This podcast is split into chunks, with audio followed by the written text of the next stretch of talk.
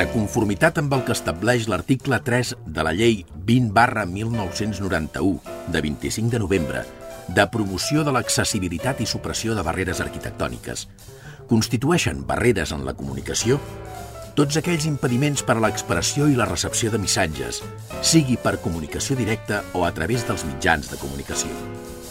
És per això que, emparant-nos en aquesta llei, volem que cada ciutadà gaudeixi del seu propi espai per moure's. Un espai sense censura. Un espai en què vosaltres sigueu els protagonistes. En definitiva, un espai per tothom. Benvinguts a Espai Vital.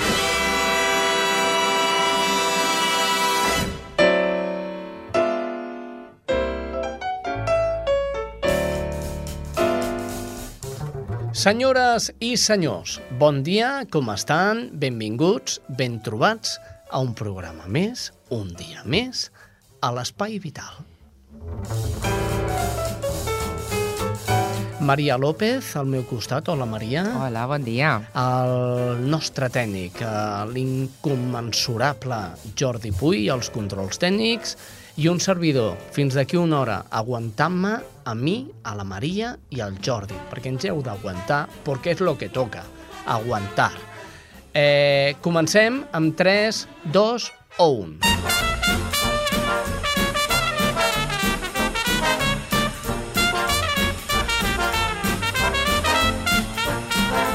Espai Vital.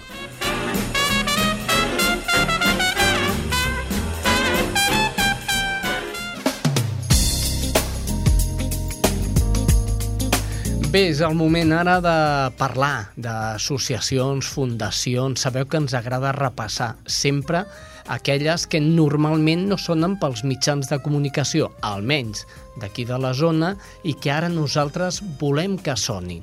Maria, amb qui parlem avui? Hola, bon dia, Xavi. Doncs avui tindrem a la Pilar Garriga, que és la coordinadora de programes de la Fundació Lucía pel SIDA pediàtric.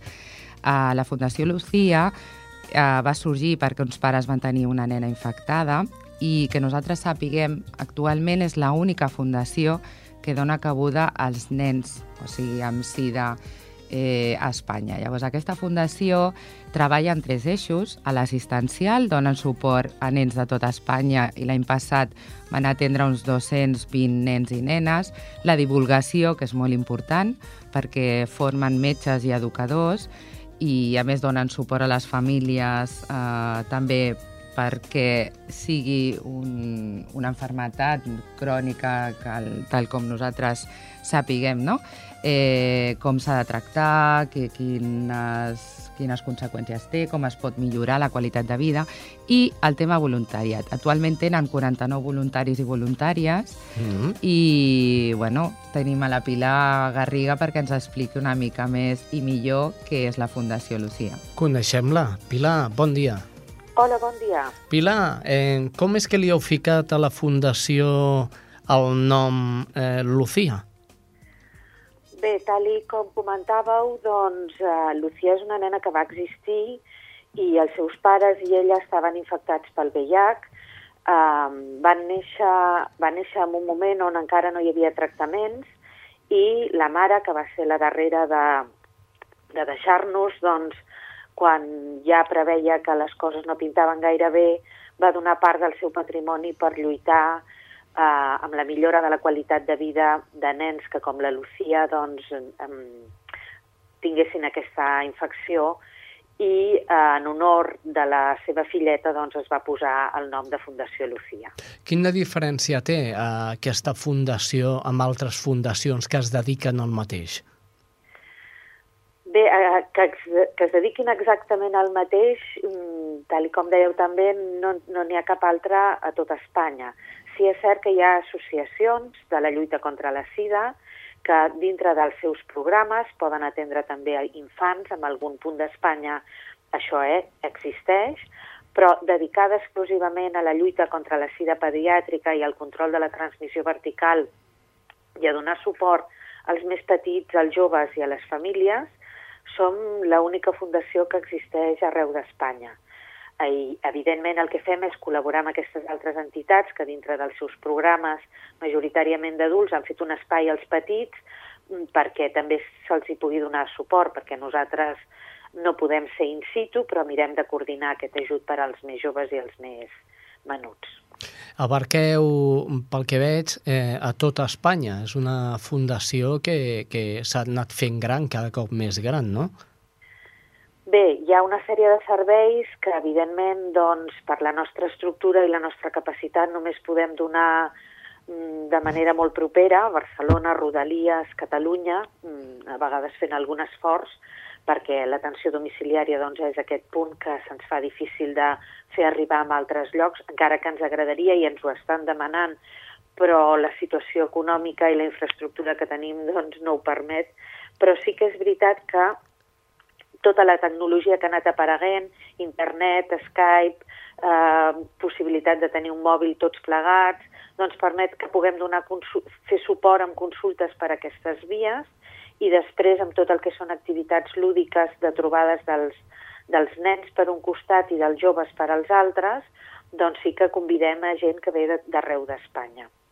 I per altra part, doncs, a la, en el vessant de la divulgació i de la formació, doncs s'han fet campanyes de diferent índole per tot arreu d'Espanya i la formació que fem específica per pediatres i especialistes és, per, és, és d'abast nacional. Pilar, i parlant de la divulgació, hi ha un tema molt important que vosaltres vau endegar i està penjat a la web, que són els contes per a Lucía. Ens pots explicar una mica aquests contes, sí. a què estan enfocats i el per què? Aquest és un dels nostres projectes capdals perquè eh, amb els nens infectats es dona una peculiaritat, i això no és una cosa només de casa nostra, sinó d'arreu del món, que per al tema del rebuig que acompanya aquesta malaltia, malauradament encara a hores d'ara, uh mhm. -huh. doncs els pares, per, els pares o els tutors, eh, qui cuiden aquests infants, per protegir-los, doncs, evita posar nom al diagnòstic i és una informació que reben retardada al cap dels anys, depenent del, del suport de la família i del, dels recursos que té la família o que tenen els propis pares o cuidadors, doncs això es dona abans o més tard. Amb els anys el que hem procurat és que això s'avanci, perquè és una cosa una mica estranya. Anar al metge, prendre una medicació, tenir un tractament, haver de seguir unes cures i que no sàpigues què et passa, ni sàpigues part de la història de la teva família. Per evitar el Llavors, rebuig social, no? per al rebuig social. Això des d'aquí aprofito per fer una crida perquè tots plegats hem de fer un esforç perquè aquests infants no hagin de créixer d'aquesta manera. Uh -huh. Llavors, davant d'aquesta problemàtica i de facilitar la comunicació intrafamiliar, vam pensar en oferir unes eines per la família perquè pogués fer aquest pas, perquè el pogués fer el millor possible i l'abans possible i en funció de les preguntes que plantegen aquests infants majoritàriament, van fer una, un, un paquet de contes, un recull de contes, en el que cada un s'explica vies de transmissió, mesures de prevenció, però també alguna problemàtica concreta. Per exemple, doncs perquè jo no puc confiar i compartir aquesta informació amb els altres. Aquest és un dels contes. Però n'hi ha d'altres, són, són deu. Llavors, aquests contes eh, els vam dissenyar inicialment pensant en això, però també pensant que fora bo educar els infants en general amb la prevenció per evitar la infecció, però també per acollir i acompanyar a altres infants que millor poden tenir propers i no ho saben i que poden estar infectats de VIH, o sigui, per les dues finalitats. Llavors, aquest és un projecte que, per un costat, doncs, eh, me'n sento molt orgullosa perquè tothom que hi ha participat hi ha col·laborat voluntàriament, des dels dissenyadors, els redactors, la, els editors, vull dir, hem, hem aconseguit fer-ho arribar a tota Espanya amb costos mínims, s'ha subvencionat per la Generalitat i per al Ministeri de Sanitat, i s'ha fet arribar a totes les escoles o departaments d'educació de totes les comunitats. I per altra part, doncs, està servint a les famílies, quan tenen aquesta situació, per poder triar quin és el conte que els hi va més bé i poder començar a treballar amb els seus infants doncs, eh, aquelles demandes que l'infant planteja. Suposo eh, que la, la mancança de, de socis eh, us fa menguar el fet de l'ajuda assistencial de la Fundació, no? Bé, tenir, poder disposar d'un nombre de socis important, doncs això recolza molts dels projectes, perquè per un costat vol dir que hi ha moltes persones que ens donen suport, ni tan sols que sigui eh, moralment, però també, evidentment, amb la part econòmica, perquè en aquests moments, no cal dir-ho, doncs, la crisi ens està, ens està passant factura, també, no? Hem tingut baixes eh, importants de donacions i de suport econòmic i, bueno, les fundacions i associacions en aquests moments estem passant també, com tothom, eh, moments difícils. Senyora Garriga, doni'ns un número de telèfon on la gent que ens escolta en aquests moments pugui posar-se en contacte amb la Fundació i fer-se soci. Bé, us donaré un número de telèfon, eh, que és el 93 417 55 87, aquest és el telèfon de la Fundació, però també és veritat que a través de la nostra web teniu la possibilitat de baixar una butlleta on hi ha el número de compte bancari uh -huh. i la possibilitat de fer-se soci que llavors ens podeu fer arribar a la Fundació. La web de la Fundació és les 3 Ws, fundacionlucia.org. I aquí dintre, si busqueu doncs, eh, la butlleta aquesta, que és eh, com puc col·laborar, i hi ha un número de compte per poder fer-nos un donatiu. Però mm, a part dels diners, que ens fan molta falta, també acceptem gent que es vulgui fer sòcia amb una modesta quantitat de 10 euros l'any, perquè també necessitem el suport de tothom recolzant aquests projectes.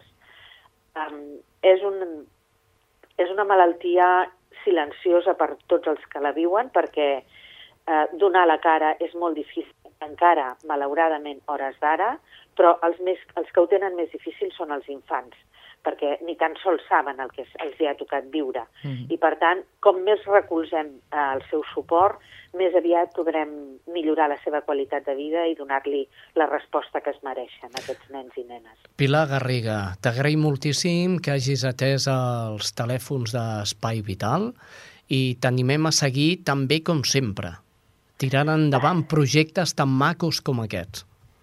Jo us agraeixo molt a vosaltres eh, aquesta oportunitat a més, sempre m'agrada parlar d'aquesta qüestió el dia 1 de desembre, que és un dia que em truca molta gent, però m'agrada molt també que qualsevol dia de l'any aquest no sigui un tema oblidat i tots hi fem costat. Moltes gràcies a vosaltres també.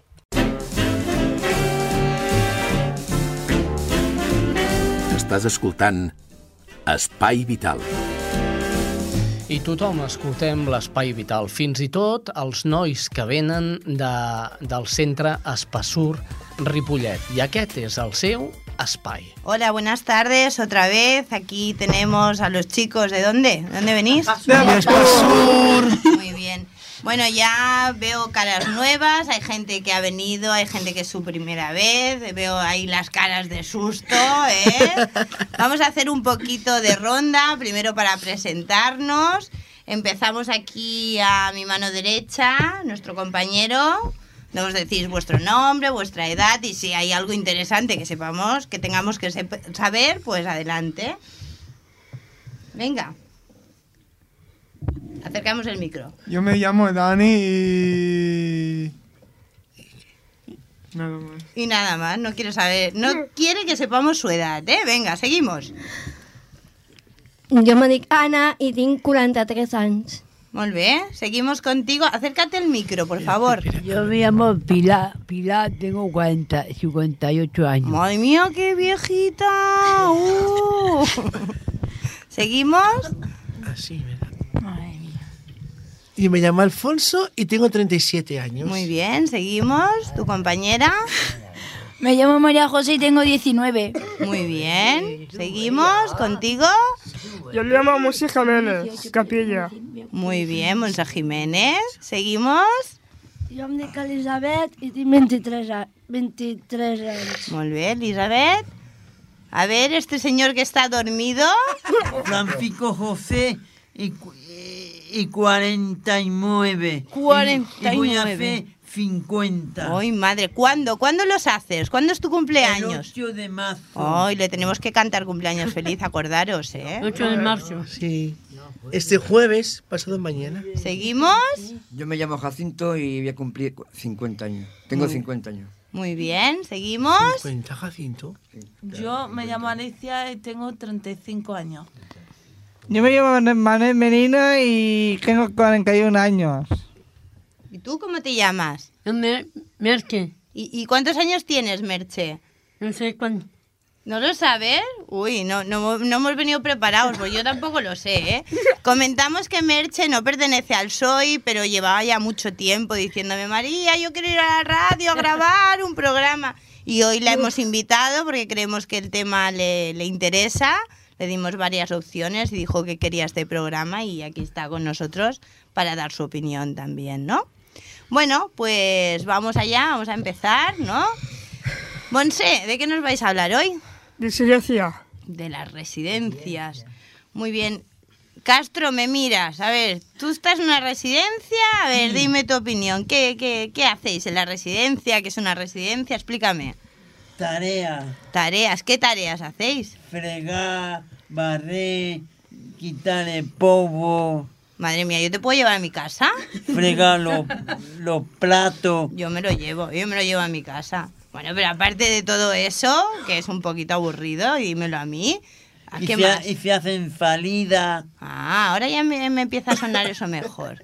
El, sábado fuimos a la nieve. Ah, ah, sí, fuisteis a la nieve, qué frío, ¿no? ¿Y qué más hacéis? Ma- Vamos de spray. ¿Mm? Y Cuando nos toca, vamos con la familia. Ah, muy bien, a pasar el fin de semana fuera, ¿no? Sí. Muy bien. ¿Y, y qué más? ¿Qué más? Aquí hay compañeros, ¿no? A ver, Dani. Uy, el Dani ya se nos está cortando. A Dani le cuesta arrancar, ¿eh? Te apretamos así un poquito para que arranques. El Dani también está con, con Castro en la residencia, ¿no? ¿Qué más hacéis? Aparte de fregar y eso que, que ya nos lo ha dejado claro Castro, ¿qué más? Hacemos deporte. Mm. Los miércoles por la tarde vamos a la terraza, hace, hacemos juegos. Y, lo- y los martes hacemos agua allí.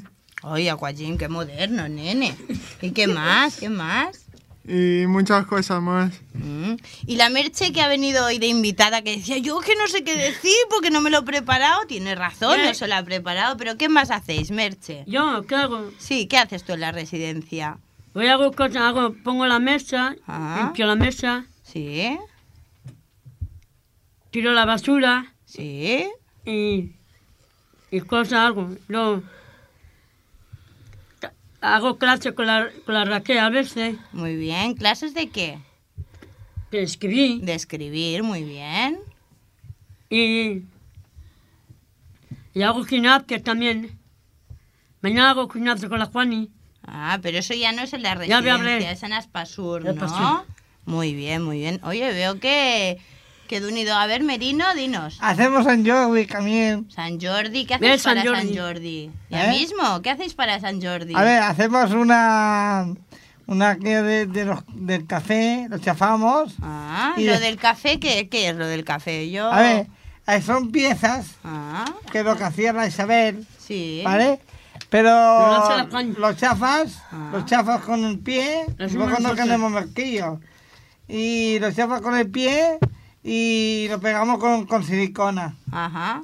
Pues sí. Alicia, que te estás durmiendo en la radio, no me lo puedo creer. Esto es lo último, ¿eh? A ver, Alicia, ¿qué más hacéis para San Jordi? Espabilate. Eh. Alicia es que eh, toma unas pastillas que según ella le dan mucho sueño. No sé si es que madruga mucho. Venga, explícanos. Madrugamos a seis y media, nos levantamos entre semana. Bueno, y sí. Si te sirve de consuelo, yo me levanto a las 5 que mi niño me llama. O sea que mm, vamos a ponernos las pilas. Vale, ¿y qué más hacéis? Venga. Em, o sea, eh, splay, todo eso. Ah, y todo eso. A ver, especifica, venga. Mm, salida. l-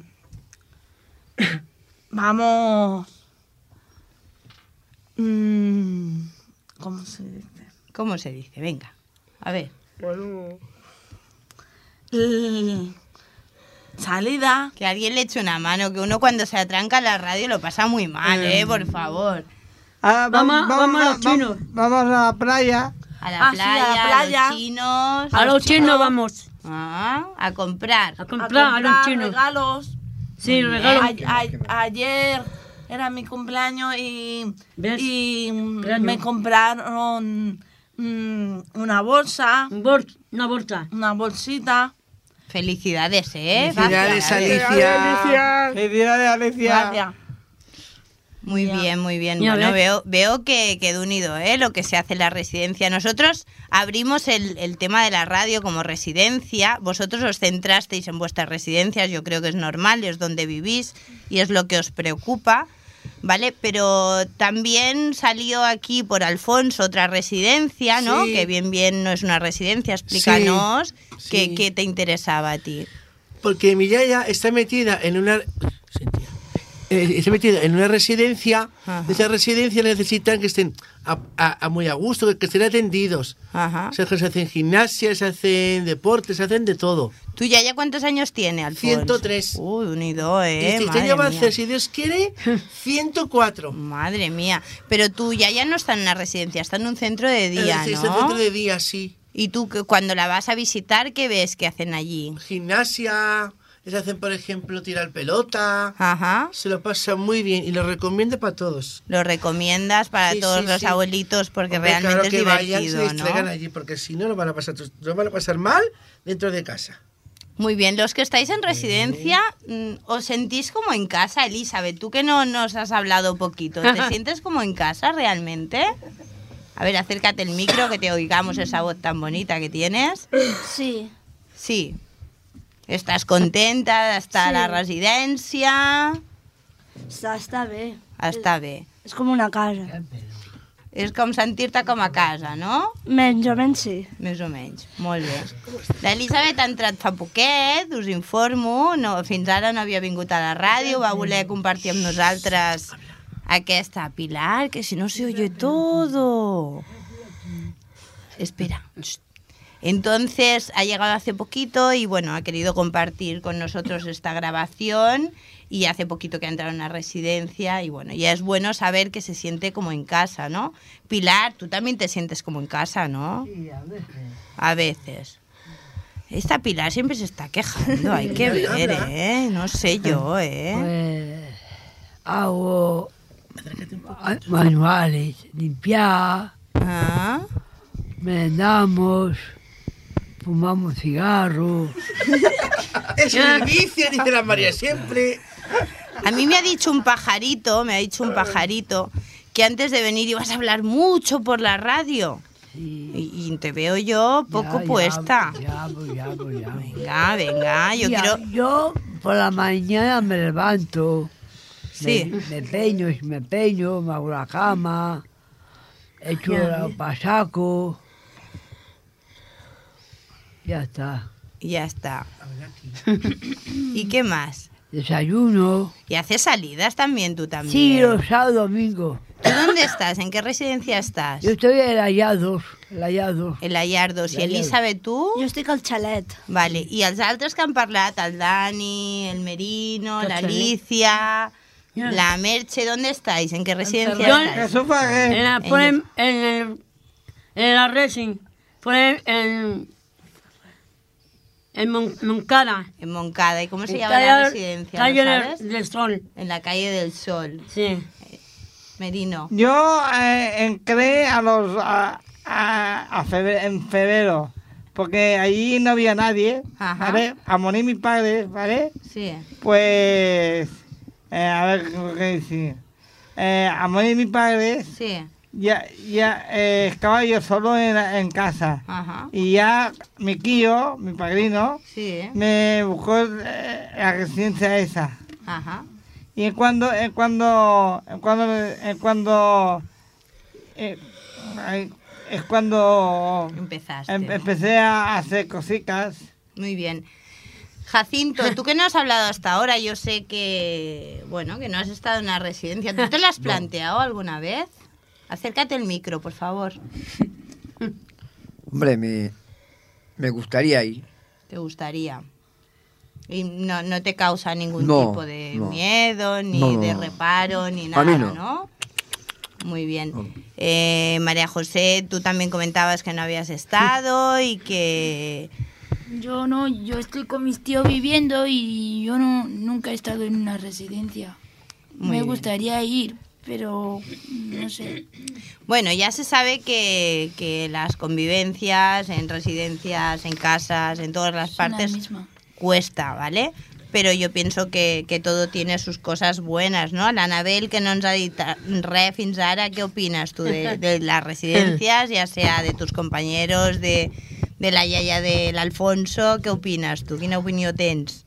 Pues- Apropa't al micro.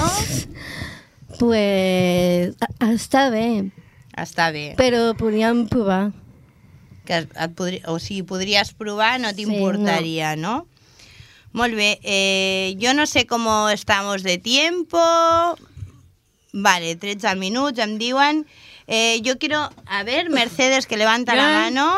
Yo es la primera vez que he venido aquí a la radio. Es la primera. ¿Y qué te Me- parece esta y me- experiencia? y me ha gustado. ¿Te ha gustado? Sí, me ha bueno, gustado yo creo que ha participado mucho. Podemos volverla a invitar, ¿eh? Porque ¿eh? se ha portado muy bien. Yo quiero que, que para terminar, eh, cada uno de vosotros me deis un consejo para alguien que tenga que entrar a una residencia, ya sean vuestros abuelos, vuestros papás cuando se hagan mayores, vosotros mismos. Quiero que bajo vuestra experiencia o la experiencia de vuestros compañeros me digáis, bueno, pues lo que aconsejaríais a esa persona, ¿no? Que a lo mejor tuviera esa preocupación de, de saber qué puede pasar, ¿no? Empezamos contigo, Dani. Te acerco el micro. ¿Qué consejo darías, Dani? Pues si entra la... Bueno, bueno, yo el primer día que entré ¿Mm? estuve un poco asustado porque no conocía nada y ahora mismo me, me, ha- me ha adelantado bien. Y si entra la nave, bueno, en los, primer, en los primeros meses mm, no, no habrá nada con sus amigos, pero cuando se acostumbre, hará, harán actividades y cosas, y cosas divertidas. Muy bien, muchas gracias, Dani. Anabel, no es tu caso, pero si tuvieras algún familiar o alguien que le tuvieras que dar un consejo, ¿qué, qué le dirías bajo todo esto que hemos hablado? Pues podrían probar, a ver. Y si, y si están en, en unas manos, pues mm, podrían seguir esos pasos. Muy bien, muchas gracias, Anabel. Pilar, ¿qué consejo le darías a alguien que tuviera que entrar a una residencia? Sí, ¿qué quiere decir? ¿Qué consejo? Bien, en otra residencia. Que estaría bien en la residencia. Otra mejor. En otra, mejor. ¿Tú no le aconsejarías la tuya? Bueno, no sé si nos tenemos que fiar de tus consejos. ¿Vale, Alfonso? Gracias, Pilar. Alfonso. ¿Qué digas? A ver, ¿qué consejo darías tú a alguien que tiene una abuelita como la tuya? A lo mejor no de 103 años, pero Ya, ya, ya. grandecita, ¿qué, qué Sí. le dirías? Hombre, yo recomiendo a las personas mayores, si me están escuchando, ¿Sí? Que hagan el favor de apuntar a los abuelos al centro de día, que se lo pasan muy bien, hagan, hagan, ese, hagan ese esfuerzo. Muy bien, muchas gracias bien. Alfonso por ese consejo. Seguimos Hombre, contigo, María. José. Te acercas el micro, por favor. Perdón, perdón, que Pilar, Ya está un centro de día. ¿te gustaría estar en un centro de día? Actividades. ¿Como mi yaya? Sí. Bueno, todos proponerlo. No sé si eso será posible, Ah, pero todos proponerlo. Me gustaría. Festividades. A ver, Alfonso, si hablamos algo por el micro, porque si no se oye así como un murmullo, dirán no, que no quieren que nos enteremos de lo que Ya, ya, dicen. ya lo sé, ya lo sé, María. María José, te escuchamos. consejo dar, María? ¿No se te sé. ocurre ningún consejo? Bueno, no pasa nada. Monse, ¿a ti se te ocurre algún consejo? ¿Eh? Laura, Si tuvieras un abuelito que meter en una residencia, ¿qué opinarías? Porque tú también has vivido de cerca los centros de día, ¿verdad? ¿Qué, qué aconsejarías? Que lo meta. Que lo metan, ¿no? Que vale la pena, ¿no? Muy bien. Elizabeth, seguim amb tu? Jo diria que la gent que ho necessita pues, que hi vagi, perquè així el dia de demà pues, siguin algo, no? Que, que valdrà la pena, segur. Molt bé, moltes gràcies, Elizabeth. Castro, ¿tú qué consejo darías a alguien que tuviera que entrar en una residencia? Que se lo piense, Acércate al micro, por favor, que te escuchemos bien. que se lo piense, que estará bien. Muy bien. Castro, aparte de esa voz tan dulce, tiene unos ojos azules que, que a mí me tienen loca, ¿eh? Gracias, Castro. Seguimos con Jacinto. Jacinto, ¿no se te ocurre ningún consejo? ¿No? Bueno, Alicia. Yo, si, si está mal la, la persona, sí. que la pongan. Que mejorará, ¿no? Sí. Claro. Muy bien, Merino. Yo, si, por ejemplo, mi, mi tío falle- falleciese, sí. ¿eh? a, a, a mi, a mi tía, Mm. la me quería, a, bueno, a mi padre, a mi, a mi, a tu tía, a mi tía, la me quería un ascenso de, a, un- a una residencia. Ajá, muy bien. Pensaría, o sea, piensas que estaría Sí, más sí, acompañada sí. y mejor. Sí, Muy es bien. mejor, ¿eh, María? Gracias, Merino. Seguimos con Merche. Merche, ¿qué consejo darías a alguien Yo. que tuviera que entrar? Sí. A la, eh, una resi que estoy yo, a mí me gusta porque hago mucha salida. Muy bien, o sea que tú lo Y- aconsejas. Y voy de colonia y, y todo. Muy bien. Oye, pues muchas gracias. La verdad es que ha sido un placer compartir otra vez el espacio con vosotros. Me alegro de ver caras nuevas. Eh, solo acabar con el tema del próximo programa. ¿Alguien se acuerda? La educación. La La educación. Un tema complicado, pero pienso que, que puede dar mucho de sí. Pues nada, muchas gracias otra vez y hasta pronto. ¿Vale?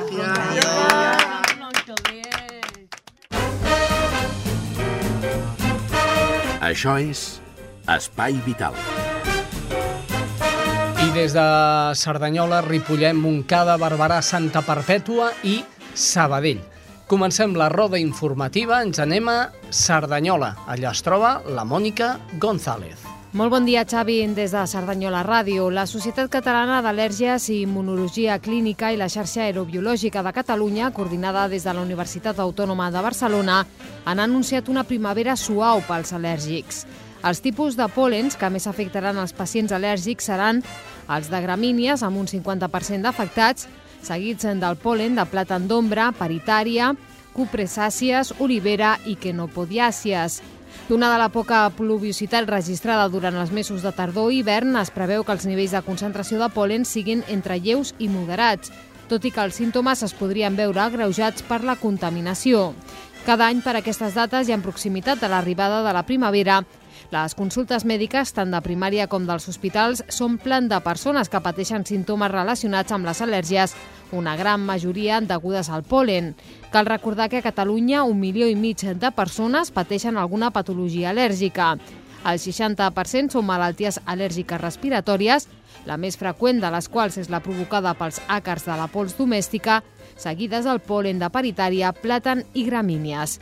Això és tot en des de Cerdanyola Ràdio. Salutacions a Espai Vital.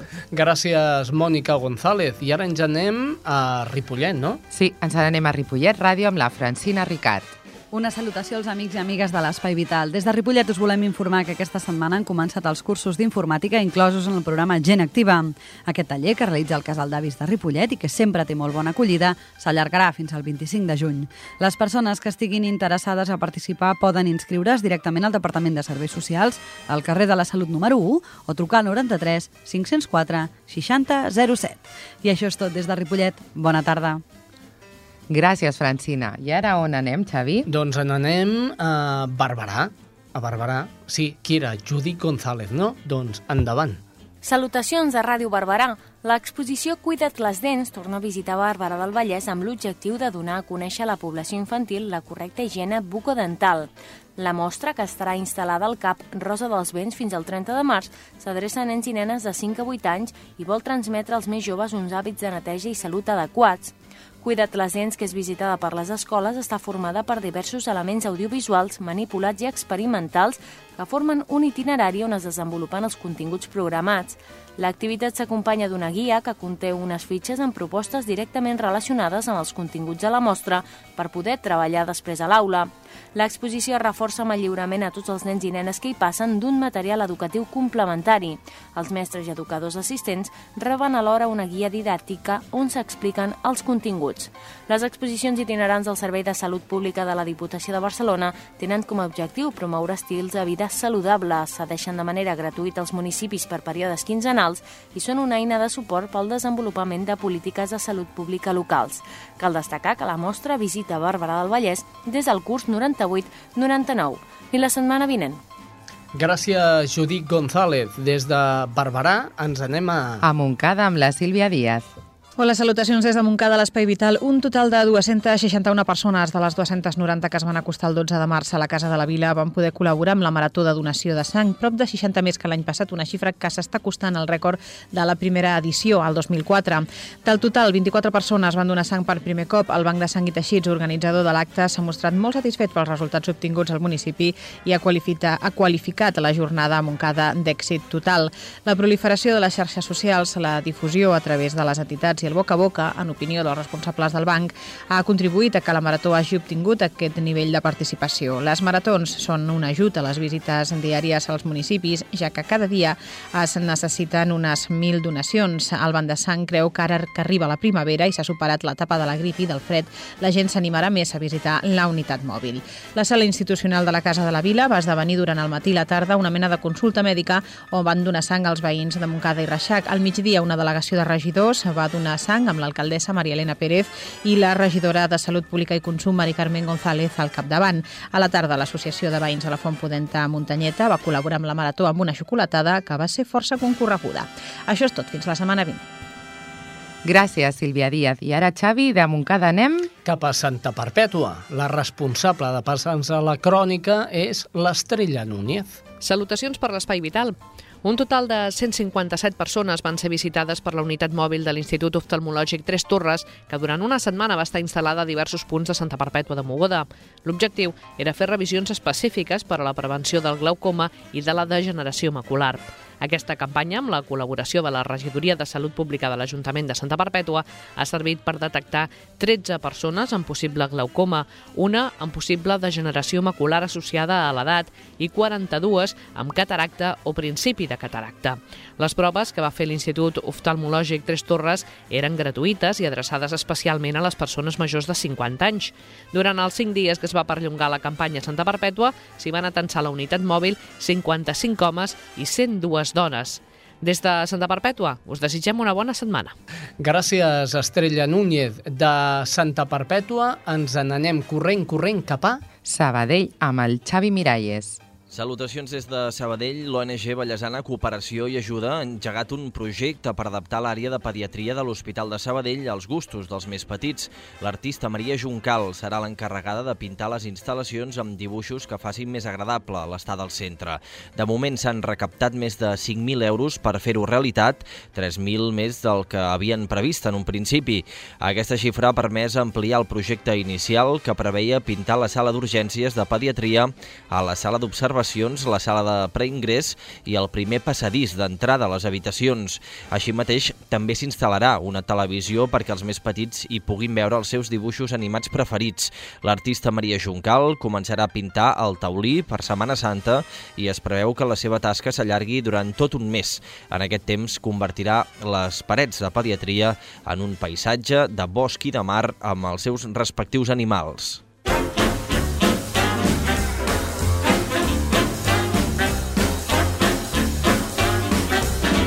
Espai Vital, el primer programa adaptat de les zones. I el primer programa que trasllada un llibre a capítols de ràdio i que es diu Alta Sensibilitat. Escoltem-lo. A continuación, les ofrecemos Alta Sensibilidad, un libro sobre el ictus. Alta Sensibilidad, un libro de Isabel Palomeque escrito en primera persona y llevado a la radio de la voz de María López. una producción de Spy Vital.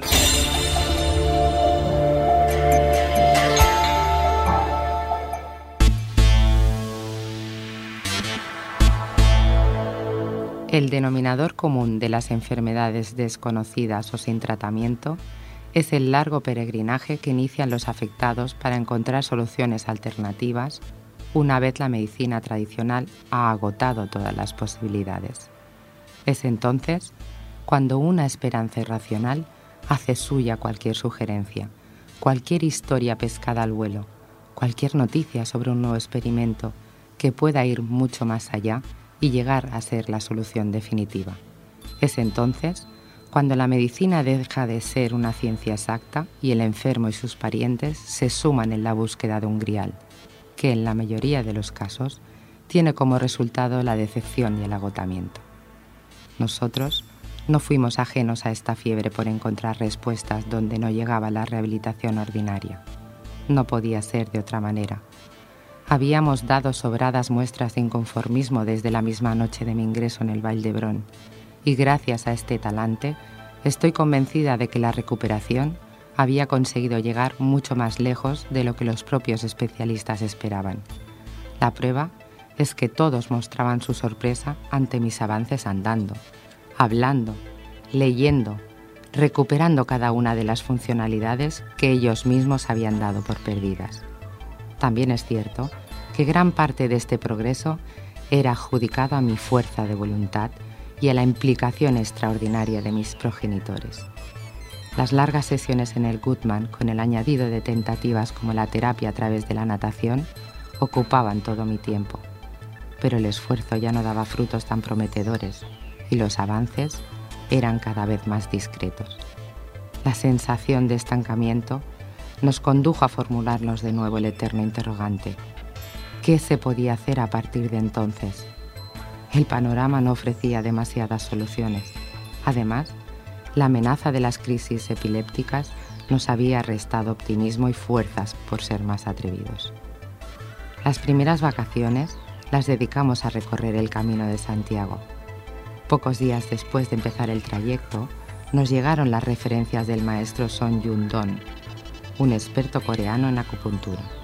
Su reputación se había forjado precisamente gracias a extraordinarios resultados en casos difíciles, según nos explicó el chofer del autobús con quien hacíamos el camino, y para caso difícil, el nuestro. De modo que fuimos a parar a manos del maestro Son, quien propuso una terapia combinada de acupuntura, masajes y dieta.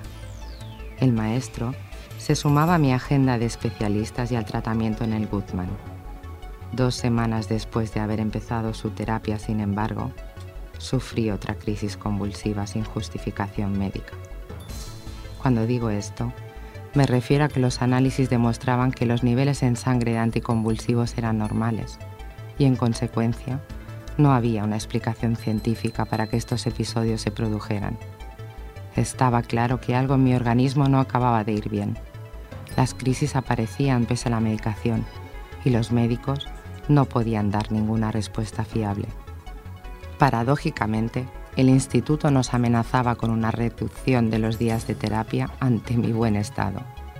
La evolución de la pierna, el brazo o la capacidad de conversación se habían casi estancado. Hacía semanas que no conseguía nada nuevo y los ánimos generales empezaban a pagar las consecuencias. En estas circunstancias, la impaciencia empezó a rebrotar necesitábamos algo nuevo, algo mucho más efectivo sobre todo algo que no supusiera una pérdida de tiempo. La terapia del maestro Son marcó el inicio de esta búsqueda desaforada de alternativas fuera de la medicina tradicional. El siguiente paso surgió a propuesta de mi padre, quien por negocios, es ingeniero textil, viajaba a menudo a China. En una de sus estancias, mi padre fue atendido por el doctor Lu, un médico del ejército quien lo curó de un pinzamiento fulminante en la espalda que le postró en la habitación del hotel donde se alojaba. Esta experiencia personal la recordó al cabo de dos años tras el ictus, cuando el rosario de expertos a quien habíamos consultado ya no aportaba nada nuevo a mi caso. ¿Qué tal si nos vamos a China? Mi madre y yo le miramos incrédulas. ¿China? Quizás sí. Quizás allí existía un tratamiento que nuestra mentalidad occidental todavía no había concebido. Algo milenario y desconocido, pero que me permitiría restablecerme del todo. Así que reuní fuerzas suficientes para el viaje. Hicimos las maletas hacia Shanghái, concretamente destino Haimen, una población a tres horas de la ciudad donde se encontraba el hospital en el cual iniciaría el tratamiento del Dr. Lu. El recibimiento fue a cargo de este especialista más un neurólogo, que volvieron a resumirnos el punto de partida que ya conocíamos. Esto que te ha pasado es muy grave. El brazo no lo volverás a recuperar, pero la pierna sí, hay posibilidades. La conclusión no difería demasiado de la de los colegas occidentales, pero me cautivó su perspectiva de abordar el tratamiento. Según el doctor Lu, primero hacía falta limpiar la sangre y para esto debía tomar toda clase de infusiones. A continuación, se tenían que estimular los nervios y la musculatura afectada, de forma que me sometí a larguísimas sesiones de acupuntura y moxibustión. Esta es una técnica prohibida todavía en nuestro país, básicamente porque consiste en quemar la raíz de la planta artemisa con ayuda de agujas de acupuntura sobre la piel del paciente. No es nada agradable.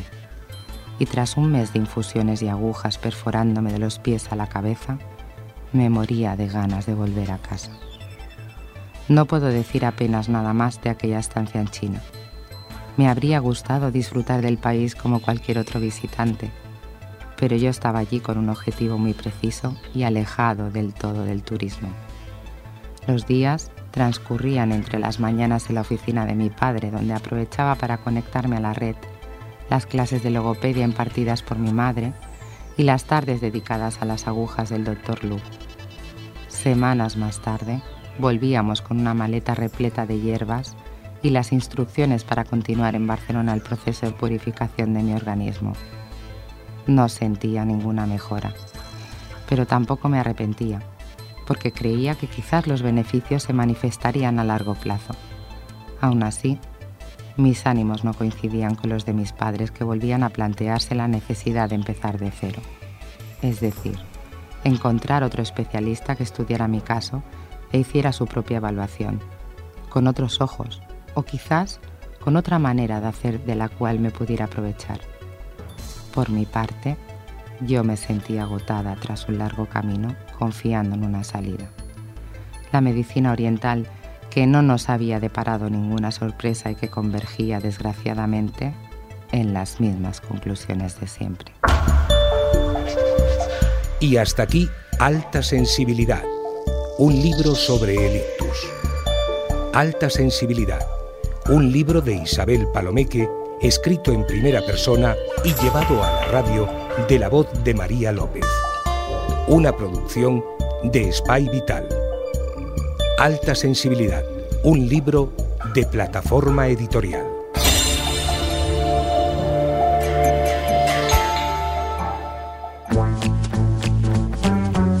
Acabem el programa d'avui a l'Espai Vital. Eh, Maria, mm, gràcies per aquests 60 minuts. Gràcies a tu, Xavi, i gràcies a totes les persones que ens estan escoltant. Molt bé, i al Jordi Puy, que és el nostre tècnic, també gràcies. No sé si tu mereixes, però gràcies. I a tots vostès, fins la setmana vinent. Em sembla que volies dedicar aquest tema, Sí, Maria. aquest tema que es diu Caminant, del grup Macedònia, li vull dedicar a la meva Celi, que ara ha de caminar amb molta més força que mai. Un petó. Doncs vinga, fins la setmana vinent. Mentre